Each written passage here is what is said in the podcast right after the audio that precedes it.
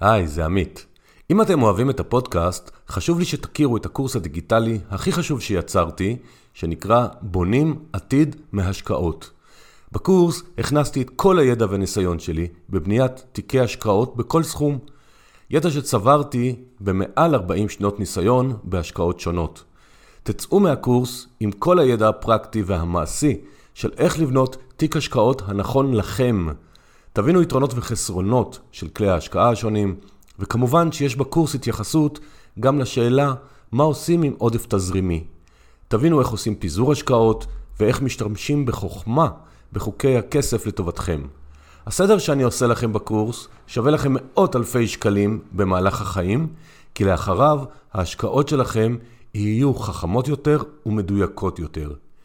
אם הבנתם שרק מעבודה לא מתעשרים, ואתם רוצים להגדיל את ההון המשפחתי ואולי לפרוש לפני הפנסיה, זה הקורס בשבילכם. לפרטים והרשמה אפשר לפנות בדף הבית של האתר 2invest.co.il ולכם המאזינים היקרים שלי, יש הנחה משמעותית עם קוד קופון המילה השקעות. ועכשיו לפרק.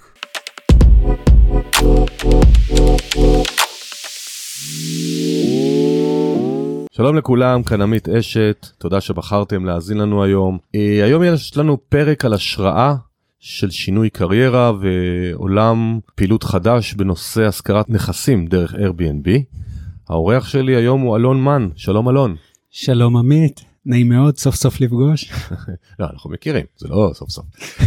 אלון אה, הוא בן 41, הוא נשוי לאורטל, למורים לילדים, ובתקופה האחרונה הם אפילו עובדים יחד, שגם על זה קצת נדבר. אה, הוא גר בבית קשת שבגליל, והוא בוגר לימודי אדריכלות נוף בתל חי. כיום מנהל עסק של ניהול ועיצוב נכסי Airbnb וליווי מארחים להצלחה עסקית, ובעצם היום אנחנו בפרק אנחנו נדבר על זה. ורגע לפני שנתחיל את הפרק, אז uh, בעצם הפרק הראשון לשנת 2023, זה פרק מספר 108, ואם במקרה לא שמעתם את כל המאה ושבעה הפרקים הקודמים, אז יש לי פעילות עבורכם של 107 שעות. אני ממש מקווה שאתם נהנים. אם כן, אז אני אשמח אם תיתנו לי דירוג לפודקאסט באפליקציה שדרכה אתם מאזינים.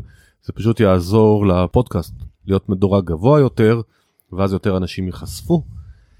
אה, ותודה לכם שאתם מאזינים, שאתם מספרים לחברים, משתתפים בכנסים שלי ובקלט הפייסבוק. אני אשתדל גם ב-2023 לתת עוד ערך וידע פיננסי דרך אורחים מעניינים. ונעבור לאלון, ואלון אה, הוא לא מיומן בשיחה הזאת, אז יכול להיות שבהתחלה הוא יתרגש עד שהוא יראה שאתם נורא נחמדים ואתם מפרגנים לו. אלון היית אדריכל נוף, ובעצם איכשהו שינית את המקצוע, מה, מה גרם לך לשנות את הכיוון? נכון, אז אה, א', אני אגיד שזה נכון, אני מאוד מתרגש, וכן שנעים לי להיות בצד הזה, אה, שיכול לדבר איתך באופן אישי, ואחרי הרבה פרקים שיכולתי לשמוע ולקבל השראה. אז א', אני עסקתי באדריכלות נוף, בעצם למדתי הנדסי אדריכלות נוף בתל חי. התחלתי את המקצוע הזה גם בגיל יחסית בוגר, גיל 30 ומשהו, ועסקתי בזה מספר שנים. למען האמת נכנסתי לתחום הזה כי משהו בכותרת שלו קרץ לי, ולאו דווקא כי למדתי לעומק מה בדיוק תכיל העבודה. לא הבנתי שהעבודה תהיה במשרד במשך רוב הזמן, ושהרבה מהמשימות יהיו רפפטיביות, וגם לא בחנתי ב-100% את ה, בעצם מה אוכל להרוויח מזה, והאם זה יוכל לממן אותי ואת משפחתי, עבודה כשכיר אדריכלות נוף. זה היה פרק זמן, תכף אני ארחיב איך עברתי ממנו לדבר הבא שאני עושה כיום. אני מרגיש שאני במקום נכון ושהגעתי לזה לא מתוך החלטה אה, ששמתי כותרת מה אני רוצה להיות, אלא בעצם בצעדים קטנים כיוונתי את עצמי למקומות שבהם אני רוצה להיות ולתחושות שאני רוצה ולשכר שאני רוצה, והגעתי לזה מתוך המקום הזה, ואני גם מרגיש הרבה יותר שלם עם ההחלטה.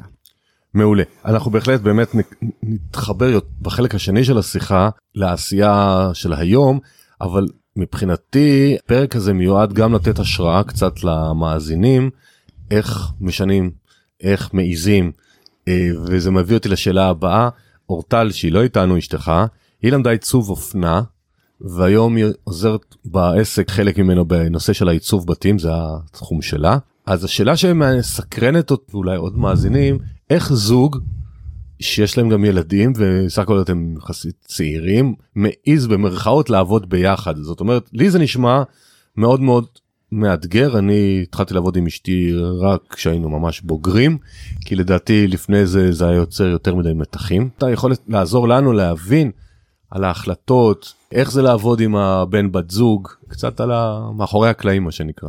מעולה שאלה מעולה אז א' אני אגיד שזה באמת תכף אני אדבר גם על האתגרים אבל אני מרגיש שגם אני וגם אורטל אנחנו מאוד מתאימים במקום ששנינו רוצים אני מניח שכולנו רוצים שיהיה לנו טוב, אבל אנחנו מקדישים הרבה זמן, גם כל אחד עם עצמו, לחשוב מה יעשה לו טוב בחיים, איזה חיים הוא רוצה לחיות, וזה גם נושא שיח שהיה לנו בשלב, שהתחיל כבר בשלב מאוד מוקדם ביחסים, שאנחנו כל הזמן שאלנו את עצמנו, איזה אורח חיים אנחנו רוצים לחיות.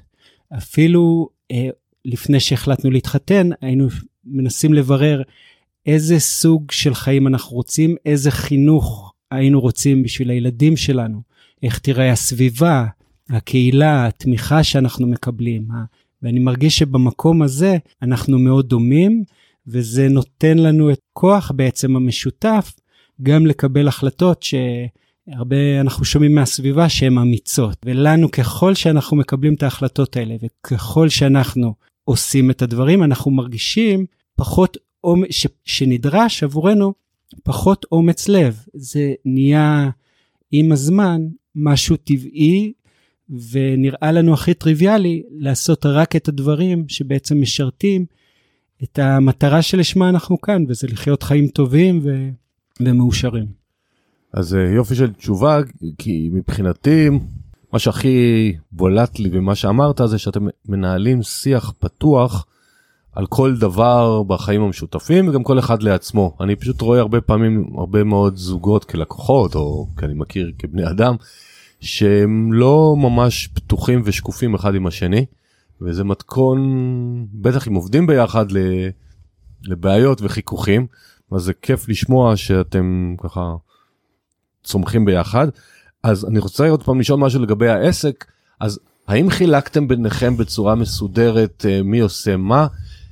או שכל פעם שיש איזושהי סוגיה אתם מתלבטים אה, רגע היום אה, אלון לא היום אורטל מי, מי מטפל איך כאילו אתם מנהלים ביחד את החלוקת סמכויות או אין חלוקת סמכויות? התחיל ויגיד שבתחילת הדרך אני חושב שגם בכל כל מטלה משפחתית ובטח ובטח שהתחלנו את העסק ביחד אז היה ערבוב מאוד גדול בין בטח בעסקים כמו שלנו שמתנהלים מהבית ואנחנו ואנחנו אה, עובדים מהבית פיזית אה, ועושים איזה מין נוודות דיגיטלית מהבית אז באמת בהתחלה זה יצר לנו בלבול מאוד גדול כל משימה שמתרחשת מי אחראי עליה מי עושה אותה וגם אני אגיד שגם אני וגם אורטל שני אנשים ש...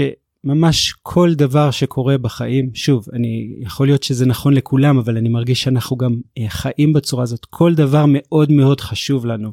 כל פרט בעיצוב של בית שאנחנו מעצבים או בבית שלנו, אה, כל תקשורת, מי אנחנו מקיפים סביבנו, כל דבר הוא מאוד חשוב לנו, ואז נוצר מצב שעל כל משימה קטנה היו שתי דעות, וגם אנחנו בבית כל הזמן, וזה היה מאוד מאתגר. זה יצר בלבול וזה גם יצר מצב שהיה קשה לנו להתקדם והאט את התנועה. בשלב שהעסק עוד היה חדש, לא לגמרי ידענו מה, מה הם המשימות של העסק או, או מה העסק מכיל. זה משהו ש, שעם הזמן למדנו בעצם מה אנחנו צריכים מבחינת העסק. אנחנו צריכים צד אחד שיותר מנהל את העסק ומשווק אותו, צד אחד שאחראי על העיצוב, אולי צד אחד שאחראי על הרשתות החברתיות ועל הפרסום, ככל שהבנו את זה וככל שראינו שהעבודה המשותפת המוחלטת אה, מעכבת אותנו, אז לאט לאט באמת אנחנו פשוט חילקנו את המשימות בינינו. היה גם שלב שחשבנו שזה יהיה ממש שני עסקים נפרדים,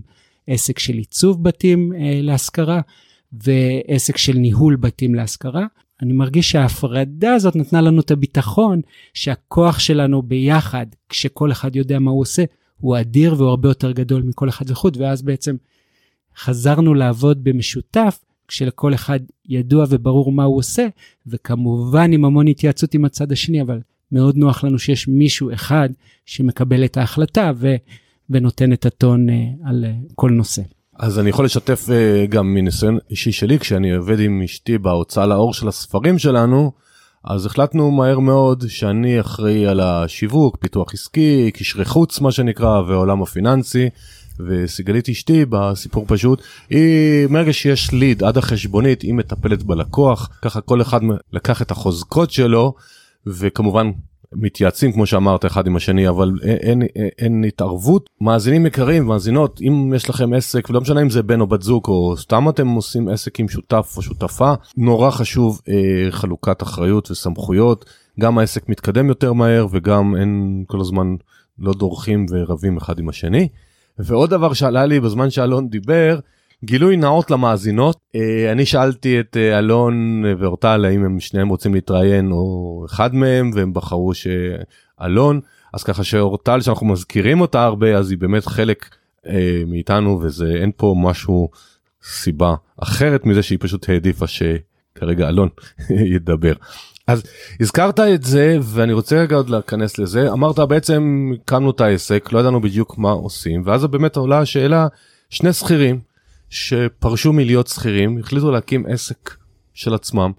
איך אתם ידעתם איך אתם יודעים איך לנהל עסק? האם זה אינטואיציה?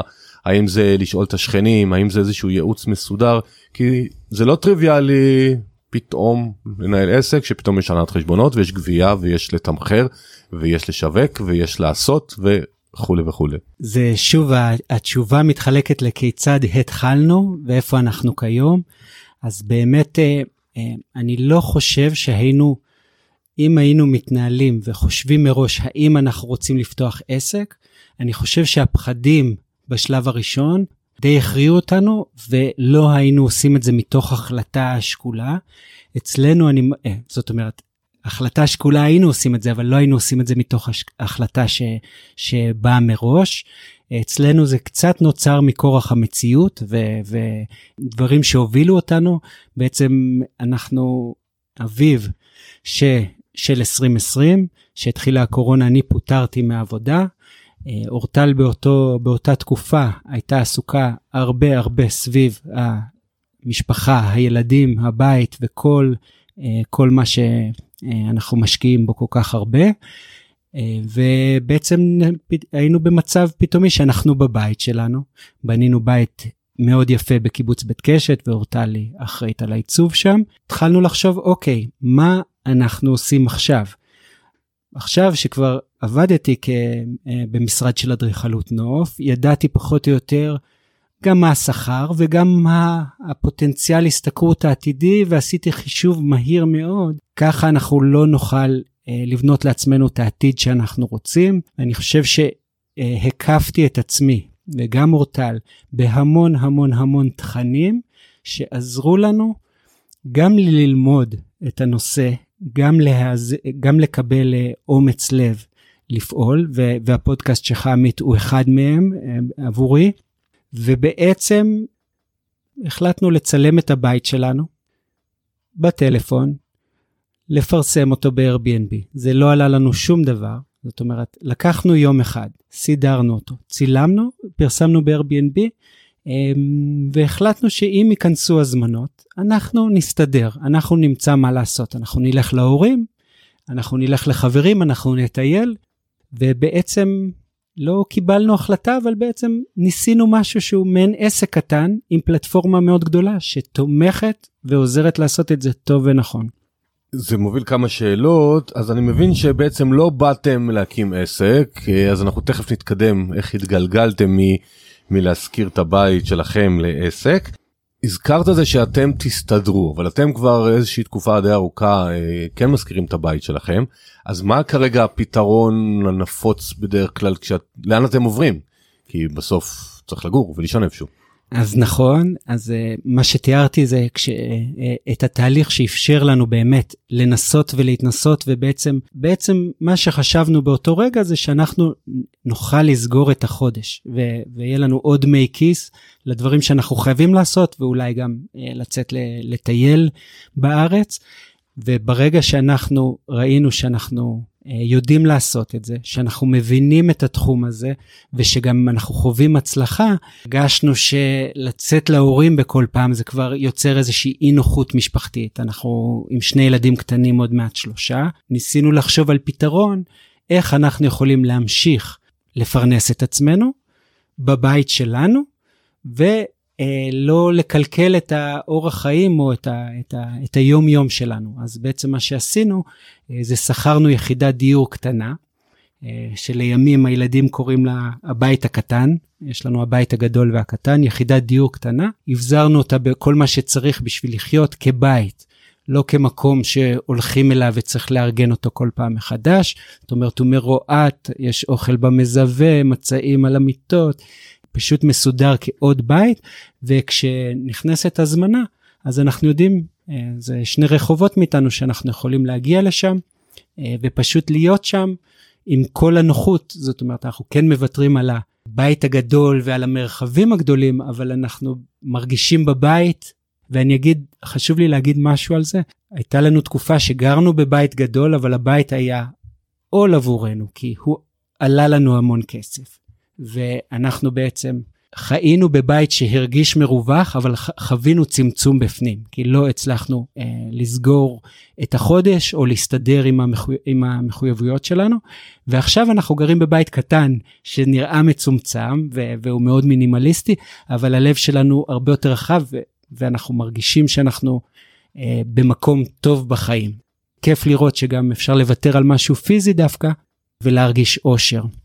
טוב זה מביא בכלל זה לעולמות רוחניות מאוד גדולות של הדיטאצ'מנט ולא להיאחז בדברים אבל זה לא פרק כזה אז אה, זה כבר ענית לי גם על שאלה שסקרנה אותי על הילדים שסך הכל אז הם באותו גן או בית הספר אני לא יודע בני כמה הם אז מבחינתם זה לא הסביבה היא אותה סביבה אבל איך אתה היית מתאר את הדינמיקה המשפחתית זאת אומרת. הילדים אוהבים ללכת לבית הקטן או שהם אומרים אוף עוד פעם הבית הקטן כאילו זה, זה, זה בטוח עושה משהו לדינמיקה. נכון אז אז לפני שהתחלנו שנכנסנו לזה אחרי שהתחלנו אבל רגע לפני שנכנסנו לזה ברצינות אחת השאלות הגדולות הייתה איך זה ירגיש עבור הילדים זאת אומרת מה זה יעשה להם התנועה הזאת וזה העסיק אותנו המון. והתייעצנו המון גם, ב, ב, גם עם אנשי מקצוע וגם עם חברים וגם בינינו דיברנו על זה המון והמסקנה, זאת אומרת, זו לא מסקנה, הדרך שבח... אה, ש... שהרגשנו שהיא נכונה היא שאם אנחנו כהורים נהיה במקום טוב, שנרגיש טוב עם המקום שאנחנו נמצאים בו, והפן הכלכלי הוא צד עצום בהרגשה הזאת, לילדים יהיה יותר טוב. ונכנסנו עם האמונה הזאת, אבל אה, עם המון שאלות, אה, איך זה באמת יהיה. ועכשיו אני יכול לה, אה, להגיד ש, שאנחנו כבר עושים את זה בצורה אה, מסודרת והילדים כבר מכירים את זה טוב. אני מרגיש שהילדים הם ממש שותפים שלנו. זאת אומרת, באורח חיים הם, הם לא שואלים, הם לא מתבאסים אם הולכים לבית הגדול או הקטן, הם בעצם, אני חושב שהם מרגישים מאיתנו מה הדבר הנכון ואת הביטחון שלנו, והם ממש זורמים איתנו. אז אה, אני תמיד מדמיין את זה כמו משפחה שגדלה ב... בחווה והילדים הולכים ומביאים את הביצים או הם שותפים הם רואים מה צריך בשביל המשפחה והם ממש שותפים בזה וזה משהו שאני מרגיש שדיברת אה, היה פרק ששמעתי על חינוך פיננסי אני גם מרגיש שפה הם חווים ביום יום התנהלות פיננסית ו- ואיזה פעולות יכולות לעזור במקום הזה. איזה יופי אה, אני בהחלט מסכים איתך שכשההורים רגועים ומשדרים ביטחון לילדים בכל תחום לאו דווקא וזה אז אנחנו ממש משפיעים והילדים מושפעים. אה, עכשיו אנחנו נתחיל לצלול קצת יותר אה, נעזוב קצת אותך ואת אורטל והילדים נעבור קצת יותר לעולם ה-Airbnb אז השאלה הראשונה בעולם הזה יש לי למה אתה מאמין שלחלק מהמאזינים שלנו זה יכול להיות אה, רלוונטי ופתרון טוב לעולם הגדלת ההכנסות. כמו שאנחנו בעצם היינו במקום שלא ידענו איך לפתוח עסק, חששנו מזה, כמו שאמרת, צריך להתנהל עם ביטוח ורואה חשבון ושיווק ופרסום ועובדים, זה מה שאני דמיינתי, אני חושב שזה מה שהחזיק אותי. פה יש הזדמנות בעצם להתחיל עם איזושהי פלטפורמה שעומדת מאחוריך ומחזיקה את, את התמונה הגדולה, עוזרת, ב, עושה כל מה שקשור בגבייה של הכסף, השיווק קורה בתוכה. אפשר ללמוד הרבה, אפשר לקבל מידע באינטרנט, אפשר להתייעץ עם, עם בעלי מקצוע שתעסקים בתחום הזה ושמתמקצעים בו, ובעצם יש הרבה אנשים שיכולים להתפרנס באמצעות Airbnb בכל מיני רמות, כל אחד מה שזה יתאים לו, אני, אני אתן כמה דוגמאות של מי שזה יכול להתאים, אבל יש הרבה אנשים שפשוט לא יודעים ולא מכירים את האופציה הזאת. קבוצה אחת של אנשים אני יכול לדמיין שהם דומים לנו, ש, שהם גרים באיזשהו בית או במקום שיכול להיות uh, מעניין, או שהבית מעוצב בצורה uh, מאוד מיוחדת, אולי זה קרוון במשק יכול לעניין מי שרוצה חופשה כפרית. האנשים האלה, אולי הם לא ירצו לעזוב את הבית כמו שאנחנו עושים בתדירות כזאת, אבל אני מאמין שהם כן נוסעים לסופי שבוע, האנשים האלה. האנשים האלה כן רוצים לטייל בחופשים, אולי לוקחים את כל הקיץ או תקופה יותר ארוכה לחו"ל, ובתקופה הזאת אפשר להפוך את הנכס, שוב, אני מתייחס ל, ל, לבית, הוא לא נכס בעצם, הוא, אני רואה אותו כסוג של נטל, אבל אפשר להפוך את הנטל הזה לנכס, בזה שהוא יתחיל להחזיר לנו על כל העבודה הקשה שהשקענו בו, והוא יעבוד בשבילנו.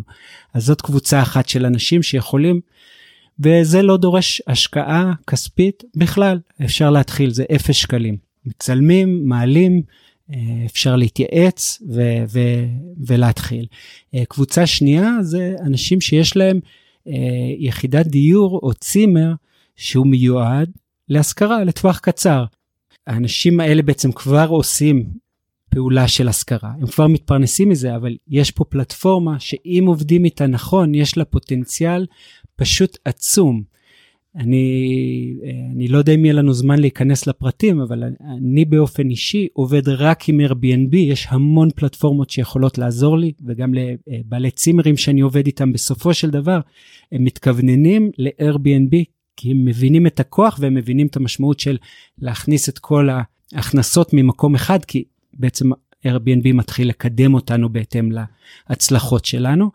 אה, וקהל שלישי של שככה קהל גדול אה, אנשים שרוצים או שיש להם נכס להשקעה הם אה, כרגע מתבססים על תשואה ועל שכירות לטווח ארוך כמובן אם הנכס מתאים יכולים בפוטנציאל להגדיל את ההכנסה החודשית פי 2 3 4 זה תלוי בבית וגם יותר באמצעות השכרה לטווח קצר. יפה מעניין. מקווה שחלק מהמאזינים יראו מה הם יכולים לעשות. אנחנו תכף גם נמשיך להרחיב. אז שאלה רגולטורית. האם יש בארץ איזשהו מותר ואסור בתחום מבחינה חוקית. מבחינת רגולציה Airbnb זו חברה טכנולוגית שהיא מתפתחת בקצב אדיר ובקצב יותר מהיר ממה ש... רוב המדינות או הערים אה, מספיקות לחוקק חוקים ש, שיכניסו את זה לרגולציה וכמו שאמרת מה מותר ומה אסור. בישראל עדיין אין רגולציה מסודרת. יש ניסיונות למשל של עיריית תל אביב להעלות את, האר, את הארנונה למקסימום האפשרי. הכי קרוב שאני ראיתי, שוב, כל אחד שלפני שהוא מתחיל משהו שווה לבדוק כמובן באופן מסודר את הרגולציה במקום שרוצים לעבוד, גם אם זה בארץ וגם אם זה בחו"ל, אבל בארץ אני אה, נחשפתי למסמך שבעצם מהממשלה או מהכנסת, אל תתפסו אותי, שרוצה לבחון בעצם מה קורה בעולם ו- וללמוד בעצם את הנושא של Airbnb ואיזה רגולציה כדאי, או בעצם מסמך התחלתי שרוצה ליצור רגולציה בארץ. אבל מאז התקדמות אמיתית לא ראיתי. אה, בחוץ לארץ ובעיקר בערים הגדולות יש רגולציה, יש ערים שמגבילות אה, באירופה, אמסטרדם וברלין, שיגבילו את מספר הלילות שאפשר להשכיר בשנה. בברלין אפשר להשכיר רק ממספר לילות מסוים, זאת אומרת אפשר להשכיר לשתי לילות. אה, בארצות הברית ובקנדה רוב המקומות צריך להירשם כעסק של Airbnb ואין הרבה הגבלות על המקום של כמה אפשר לעשות. בתור משקיע, אם אני מכניס את עצמי לראש של משקיע, אני הייתי רוצה להיכנס, זאת אומרת, אני, אני חששן, אני, אני בפרופיל סיכון נמוך, אני אוהב לדמיין את עצמי כמשקיע בפרופיל סיכון נמוך, לפחות בשלב זה של החיים. אני הייתי מדמיין שהייתי רוצה להיכנס למקום שכבר עבר רגולציה, ואז אני יודע למה לצפות, להיכנס להשקעה גדולה שתוך שנה תהיה רגולציה שתגביל אותי מאוד, וכל המספרים שבניתי עליהם פתאום משתנים. סבבה.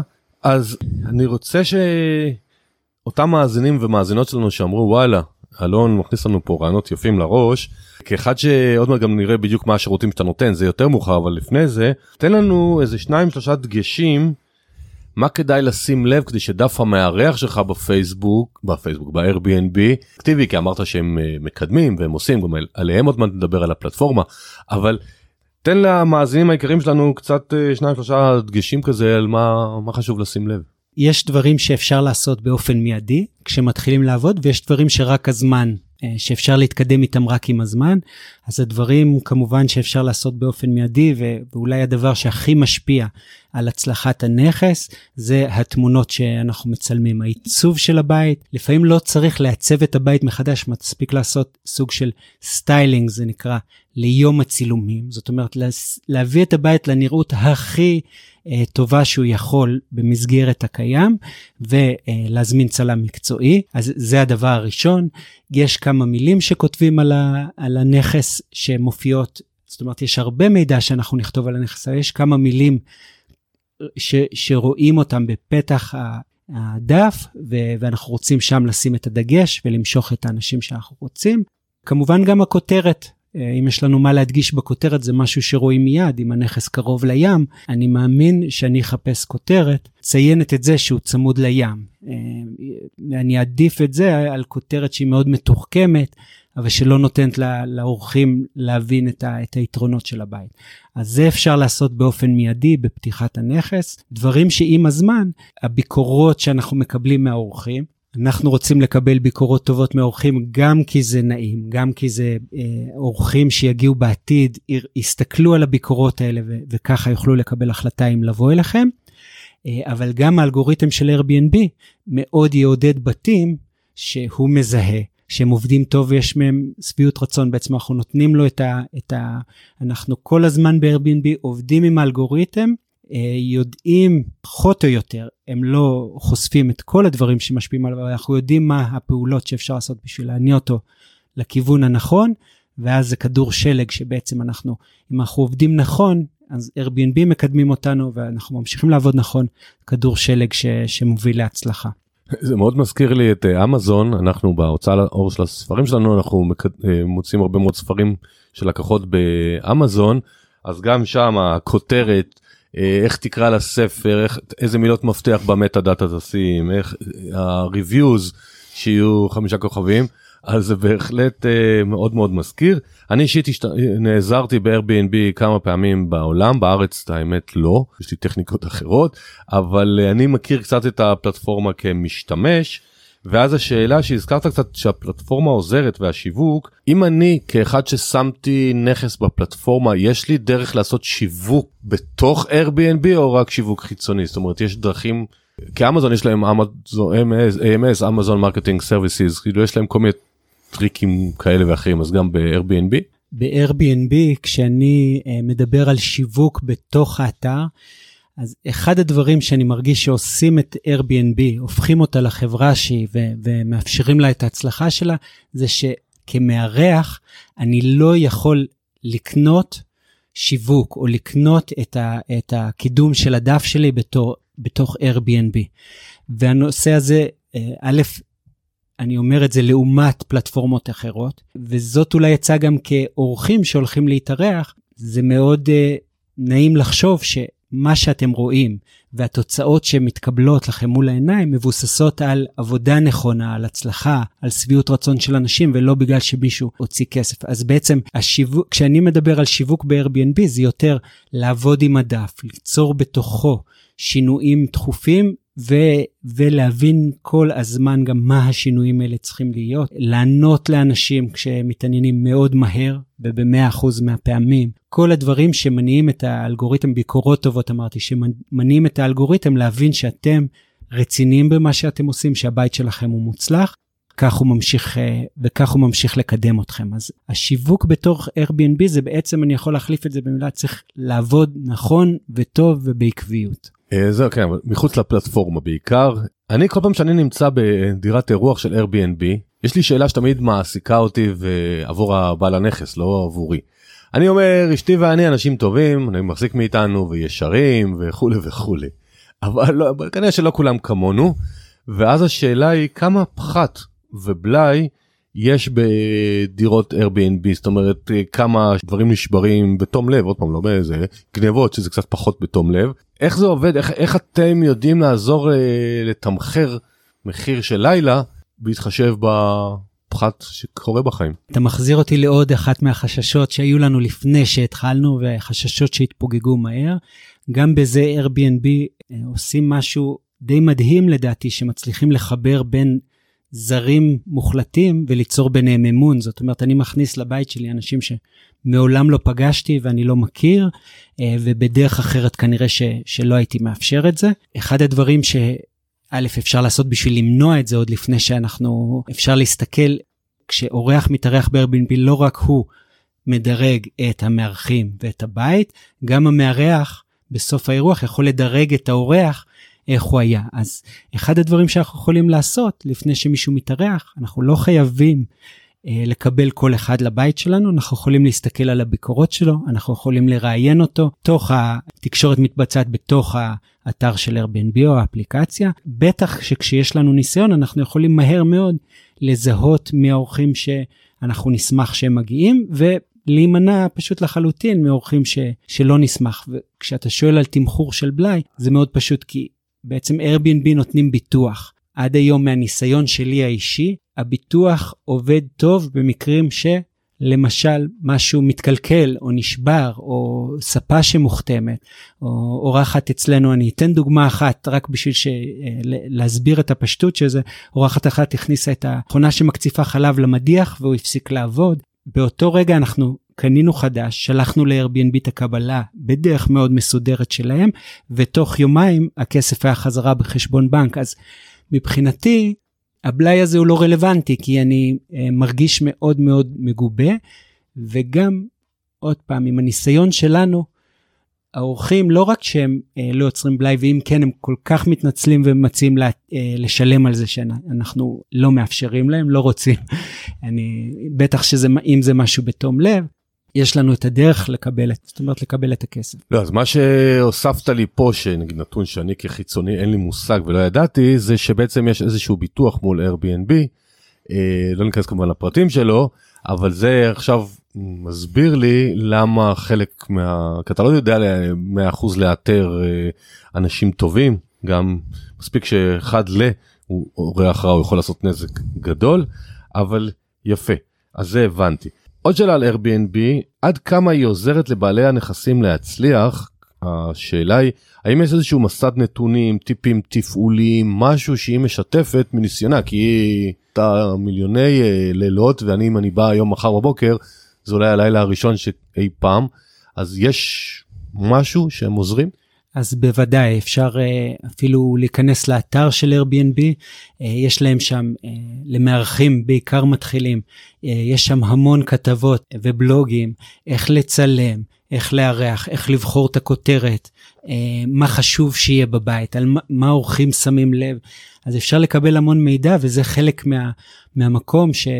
הצגתי שבעצם עובדים עם פלטפורמה הרעש שלה, זאת אומרת, זה ברור שהם רוצים למקסם רווחים, אבל המטרה שלה בסוף היא די חופפת לשלנו, הם רוצים שנצליח למכור את הלילות, כי הם מקבלים אחוזים בעיקר מהאורחים שמתארחים, ולכן יש המון מקורות מידע, וגם מי שרוצה לעלות שלב ולא מסתפק במקורות האלה, אפשר לקחת ליווי מקצועי אה, ולעשות את זה ספציפי לבית, להבין מה הצרכים, היכולות, הפוטנציאל של הבית הספציפי, וככה לעבוד הכי נכון מול האתר. ותוך כמה זמן מסיום אירוח אה, המארח מקבל את הכסף? זאת אומרת מישהו יתארח אצלך לשלושה לילות, סתם אני אומר, יצא היום בבוקר מהדירה. מתי אתם רואים את הכסף? באמת חשוב התאריך שהם מגיעים לדירה, בין אם הם מגיעים ללילה אחד או לשנה שלמה, יום לאחר מועד הצ'ק אין, הכסף מועבר מ-Airbnb דרך חברה שהם עובדים איתה, ישירות לחשבון הבנק של המארח. הדבר הנפלא הוא שאין פה שום צורך להתעסק בגבייה או בלדבר על הכסף עם הלקוחות, הכל קורה בצורה מסודרת, 100% מהפעמים מול Airbnb. כן, נשמע אחלה. טוב, סתם הייתי סקרן עם במודל הישראלי 30 יום, שוטף 30, שוטף 60 ומרוויחים עוד כסף על ככה מה שאתה אומר על חשבוננו, אבל אה, לפי מה שאתה אומר לא.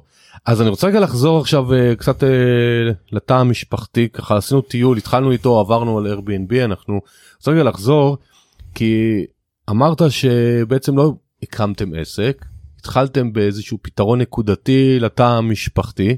ובלי כוונה שזה בערך לדעתי הכי טוב נוצר עסק. שתי שאלות, לאן אתם שואפים להגיע? כלומר מה מה מה החזון שלכם כתא משפחתי בעסק איך אתם מתקדמים uh, לממש אותו זאת אומרת מבחינת uh, עוד פעם אני חוזר לשאלה ששאלתי בהתחלה לבד ניסוי וטעייה או שאתם נעזרים בייעוץ מקצועי כזה או אחר. אז uh, אנחנו uh, נעזרים לא בייעוץ אחד מקצועי בהמון המון ייעוץ מקצועי uh, והמון למידה אני חושב שמהרגע שתפסתי שיש הבדל מהותי בין לנהל, להרוויח את הכסף מ-Airbnb בתור מישהו פרטי ש, שרוצה אה, לקבל הכנסה לבין להפוך את זה לעסק, הוא פער עצום. ברגע שהבנתי את זה, אפילו שהיה לי רק בית אחד, החלטתי שאת כל הפעולות שלי אני עושה במחשבה על איך אני יכול לנהל עסק שיכול גם לגדול. אפילו שאת כל הדברים, אפילו שזה יעלה לי יותר כסף, למשל, התחלנו בזה שאנחנו מנקים את הבית, וברגע שהבנתי שאם אני אנקה את הבית, אז אוקיי, אני יכול לנהל בית אחד, אולי שניים, אבל זה בא על חשבון התפתחות וזה בא על חשבון ניהול בעצם של עסק, הדבר הכי פשוט. אם אני צריך uh, לענות לכל ההודעות באופן אישי, או שאני משתמש בגיבוי של תוכנה uh, אוטומטית, האם אני מתמחר או משלם עבור תוכנה שייעודית לתמחור נכסי Airbnb. בעצם ברגע שהתחלתי להתייחס לזה כעסק, אז גם יכולתי לקבל את הביטחון כל פעם להתקדם עוד שלב, כי את הטכניקה הבנתי, יצרתי לי סיטואציה שהכל קורה, הכל זורם, יכולתי הופ, לקחת עוד בית, ועוד אחד, ועוד אחד, אה, בעצם שמתיישבים על אותה, על אותה דרך פעולה. אה, ושאלת לאן אנחנו, אני מקווה שעניתי, כן, כן, בהחלט. ושאלת לגבי לאיפה אנחנו רוצים להגיע, אז אני חושב שההסתכלות שלנו, לא יודע לאן אנחנו רוצים להגיע מבחינה כספית, כמה כסף אנחנו רוצים בסוף כל חודש, אבל אני יודע שאנחנו כל הזמן אה, שואפים ליצור את העסק ולהתפתח תוך הסתכלות, אה, ערכים ועל האורח חיים ש, שדיברנו שאנחנו רוצים לחיות. אה, אם מישהו הציע לי לקחת מלון קטן בטבריה ולנהל אותו, וידעתי שהפוטנציאל הכלכלי שם הוא עצום, אבל גם ידעתי שאני אצטרך להיות שם, ובעצם זה מה שאני אעשה, עם הזמן או עם המחשבה ירדתי מזה כי זה לא טעם את המקום שאנחנו רוצים גם חופש. אנחנו רוצים להחליט מה אנחנו עושים, מתי אנחנו רוצים, לאפשר אה, ליצירתיות שלנו את הזמן שהיא צריכה, ו, ו, אז אני יודע מה אנחנו רוצים, ואנחנו, כל החלטה מתקבלת בהתאם לבסיס האיתן הזה. אז עכשיו אני אשאל שאלה שבדרך כלל אני לא שואל, כי אני בדרך כלל לא מרשה למרואיינים לשווק את עצמם. אבל אני חושב שאתם מביאים פה סיפור קצת שונה שיכול לעזור להרבה מאזינים ומאזינות להגדיל הכנסות. אני אשאל אותך אה, איזה שירותים אז בעצם בעסק שלכם היום אתם נותנים אה, אני יודע על שלושה אבל אולי שניים אולי יש ארבעה אז אני אז בעצם אה, השירותים העיקריים שכרגע אנחנו נותנים אחד זה ייעוץ וליווי למארחים זה יכול להיות או מארחים שרוצים להיכנס לתחום או כמו שאמרתי, בעלי צימרים אפילו, שעובדים ורוצים לדעת איך לעבוד עם העולם החדש ועם הפלטפורמה החדשה, וזה יכול להיות גם לאנשים עם שעובדים הרבה שנים, אבל רואים שהלוח שנה שלהם דורך במקום, או שהם מבינים שיש להם פוטנציאל יותר גדול ממה שמתממש, אז, אז אנחנו יכולים לעזור בייעוץ או ליווי מהצד, ו, והרבה אנשים, כוחות שלנו, לוקחים בעצם אותנו גם, שזה דבר, שירות נוסף שאנחנו נותנים כמנהלי הנכס שלהם. שזה משהו שמאוד פשוט לעשות ב-Airbnb, באמצעות הפלטפורמה שלהם, אפשר להגדיר מארח שותף, אני אה, המארח השותף, למשל, אם לך יש דירת Airbnb, אתה עסוק עמית, אני יודע, אתה אה, רוצה להגדיל את ההכנסה אבל אתה לא רוצה להתעסק, אתה יכול להגדיר אותי כמארח שותף, אה, וככה אני יכול צוות הדף שלך, לשלוט, לענות לאנשים, להיות בתקשורת איתם, לתמחר את הדף אה, ולעשות את כל הפעולות שיכולות, שיכולות לעזור לך להצליח. והאינטרסים פה, אנחנו יוצרים זהות אינטרסים, שאנחנו לוקחים פה עמלה מסוימת מתוך ההצלחה, ועמית, אם אתה לא תמכור את הבית שלך, אנחנו לא נרוויח כלום. אז אנחנו אה, נכנסים לפרויקטים שאנחנו מאמינים בהם, ו, ולא מבזבזים את הזמן של מישהו או שלנו. אה, וכמובן, יש את, ה, את הנושא של העיצוב, ששם אנחנו... אה, שם אנחנו עובדים, תכף יש לנו עוד ילד, אז אה, אם מישהו רוצה, זה, זה בטח יתאים עוד חודשיים שלושה. אז קודם כל מזל טוב, אה, אנחנו מקליטים את הפרק בסוף דצמבר 22, אז אם אתם מקשיבים בסוף דצמבר 23, אז תתקשרו ותגידו מזל טוב ילד בן שנה, או תחילת ינואר. אלון לא אמר את זה, אבל בשיחות המקדימות שלנו החלטנו שהוא ייתן 20 דקות שיחת ייעוץ חינם למתלבטים. אז בתיאור הפרק יופיע המייל שלו ככה שתוכלו ליצור קשר לשוחח איתכם ואתם תראו אם זה משהו שבכלל מתאים לכם אה, או לא מתאים לכם. אנחנו ככה מתקרבים איכשהו לסיום ואחת השאלות שאומנם העברת את זה קצת לאורך השיחה אבל אני רוצה ככה עוד פעם לחדד אותה מה בעצם אתה אתה עזוב רגע את אורטל אתה הכי אוהב ומלהיב אותך ב, בעולם החדש שאתם נמצאים בו. הדבר שהכי מלהיב אותי זה האנשים שאני עובד איתם, ובעצם אנחנו, אני מרגיש שאנחנו, גם כחלק מהערכים שלנו, שואפים להקיף את עצמנו באנשים שנעים לנו לעבוד איתם בשיתוף פעולה. אנחנו אוהבים מאוד לארח. אנחנו אוהבים מאוד לתת חוויה לאנשים שהם שמחים ממנה ושהם מרוצים ממנה. אני מרגיש שזה נוגע לכל האספקטים, כי גם מי שעובד אצלנו או עוזר בניקיון של הבתים, כל המקומות האלה בעצם אנחנו עובדים מול אנשים, בעצם היציאה הזאת לעצמאות ו- ו- והעולם החדש הזה שהוא, אני מסתובב אה, ביום יום וכל הזמן סקרן, הטלפון שלי פתאום מצפצף ו- וזה כסף שהגיע, זה, זה, זו הרגשה שלא הרגשתי אף פעם, ידעתי שנגמר חודש. אה, מחכים עוד קצת זמן, נכנס הכסף, בינתיים כבר יצא. פה כל הזמן יש איזושהי אה, אינדיקציה ו- ואין גבול למה שניתן לעשות. אז זה נשמע עולם אה, נורא אוטופי ומופלא ודיברנו רק על דברים טובים. אז ככה ממש ממש לקראת הסוף תן לנו גם משהו או סיפור כישלון או מה עלול להשתבש או משהו כי אין אני אני אדם מבוגר לא יכול להיות שיש רק דברים טובים לצערנו תן לנו כי זה בסוף עסקים בסוף זה אנשים בסוף זה מארחים ואורחים ו, ופלטפורמות וכולי. בוודאי כן אני אוסיף למה שאמרת ואני מרגיש ש, שהמקום שאנחנו אה, נמצאים בו או בכלל אה, כל הזמן שואפים להיות הוא נבנה צעד אחרי צעד על כישלונות ועל מקומות שלא הצלחנו. אני פתחתי קבוצת uh, פייסבוק uh, לפני שנה, אה, ועכשיו uh, עכשיו הסתכלתי בה, אני חושב שרק אני הייתי שם, זאת אומרת, עשיתי איזה ניסיון, uh, מחשבה שהייתה לי, ובעצם לא התקדם משם שום דבר, ועכשיו החלטתי שאני בעצם uh, לא מסתכל על זה ככישלון, אלא מנסה לבדוק, רגע, אולי גם אני יכול לקחת מישהו שיעזור לי, קבוצת פייסבוק ש, שעוזרת לאנשים בכל מה שקהילה שתעזור לאנשים, ושאנשים יוכלו לדבר ביניהם על כל נושא האירוח. רכשתי קורס דיגיטלי. אני חושב שלפני בערך אה, שנתיים קורס דיגיטלי שמלמד אותי איך לעשות קורס דיגיטלי. משם הכל התחיל, חשבתי ש, שאני אתפרנס מהקורסים הדיגיטליים. השקעתי בזה המון וזה לא התקדם ולא התפתח לקורס. גם הרגשתי שאני עוד לא מרגיש את הקהל ועוד לא בטוח במה שהם רוצים, אז השקעתי בזה הרבה כסף, המון זמן אז אני מצד אחד אה, בגלל ששאלת אני אומר זה איזשהו סוג של כישלון אבל מצד שני אני אומר גם זה למדתי מזה כל כך הרבה זה הוציא אותי מאזור של אה, של חוסר התקדמות זאת אומרת גרם לי לזוז וגם עכשיו אני עושה שיתופי פעולה עם, עם אנשים שיוכלו לעזור לי לקדם את קורס הזה הקורס הדיגיטלי ו, ואני יודע שהוא יצא לפועל אז אני מרגיש שמה.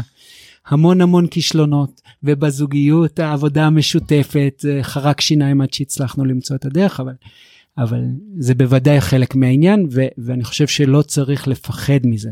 לפחד בטח שלא ובהחלט נחישות לפעמים שואלים אותי תגיד לי איך אה, יש לך אומץ אה, למשל לסגור אולם ולעשות כנס של 300 איש ואתה בכלל לא יודע מישהו יבוא וכל מיני דברים כאלה. אז אני אומר אני לא כזה אמיץ אבל ברגע שאני מחליט שאני רוצה משהו אני מנסה ומנסה. מבין שבשלב מסוים הדברים כבר לא תלויים בי. זאת אומרת אני יכול לפרסם ואני יכול להגיד ואני יכול להציע ואני יכול אבל אם מישהו יירשם לא יירשם אין לי מושג אבל אני אעשה את המקסימום שאני יכול.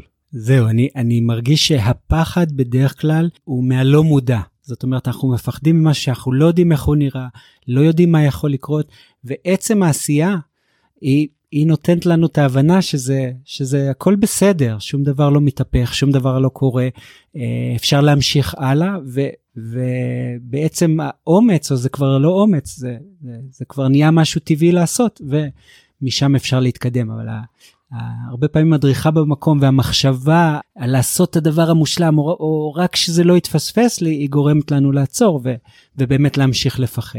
לגמרי מסכים איתך אנחנו מקליטים הפעם אה, אצלי במשרד אני כל פעם מקליט במקום אחר אז אני יחד איתך תתעלם רגע מהטעות כתיב אני אפנה אותך להסתכל ימינה ואני אקרא בקול רם worry is a total waste of time it doesn't change anything all it does is steal your joy and keep you very busy doing nothing. וזה לא סתם נמצא פה וכי אני מדי פעם צריך לקרוא את זה ולהיזכר כשיש חששות ויש פחדים וניסינו קצת uh, שתפיג את הפחדים ואת החששות ב-Airbnb למשל הנושא הזה של ביטוח הוא דרמה מבחינת התפיסת עולם שלי למשל שיש איזושהי הגנה אם בא אורח רע ועושה לך נזק.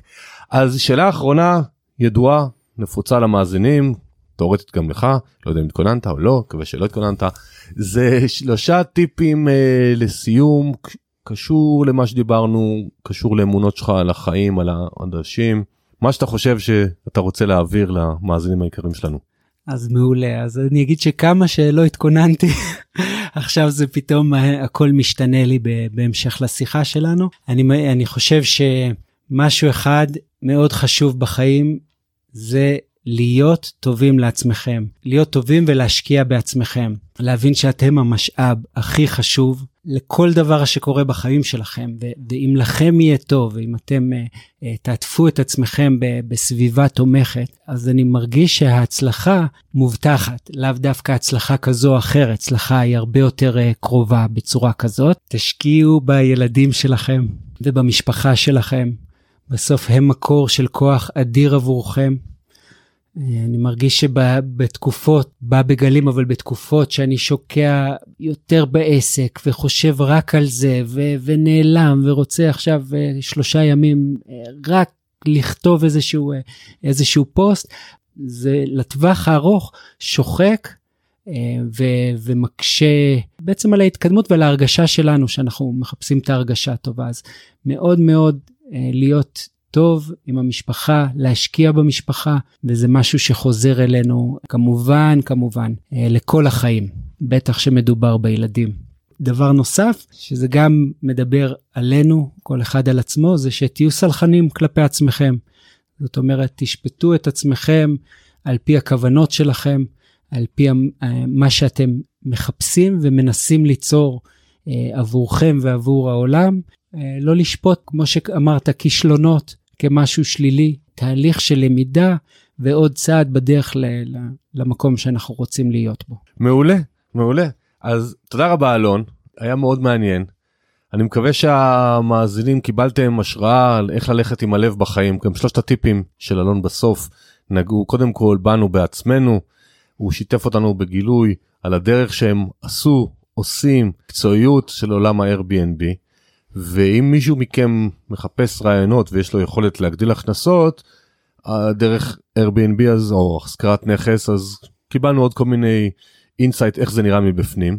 אני מזכיר שאלון מציע שיחת ייעוץ בחינם ולינק יופיע לכם בתיאור הפרק איך ליצור איתו קשר. תודה אלון. תודה עמית, תודה רבה. ותודה לכם שבחרתם להאזין לנו. נזכיר שיש קהילת פייסבוק כסף והשקעות, יש את הספר כסף והשקעות, יש את הפודקאסט, מי שלא מכיר פרקים קודמים, יש המון המון דרכים, יש לי ערוץ יוטיוב, אתם מוזמנים לעקוב ונשתמע בפרק הבא. אני עמית.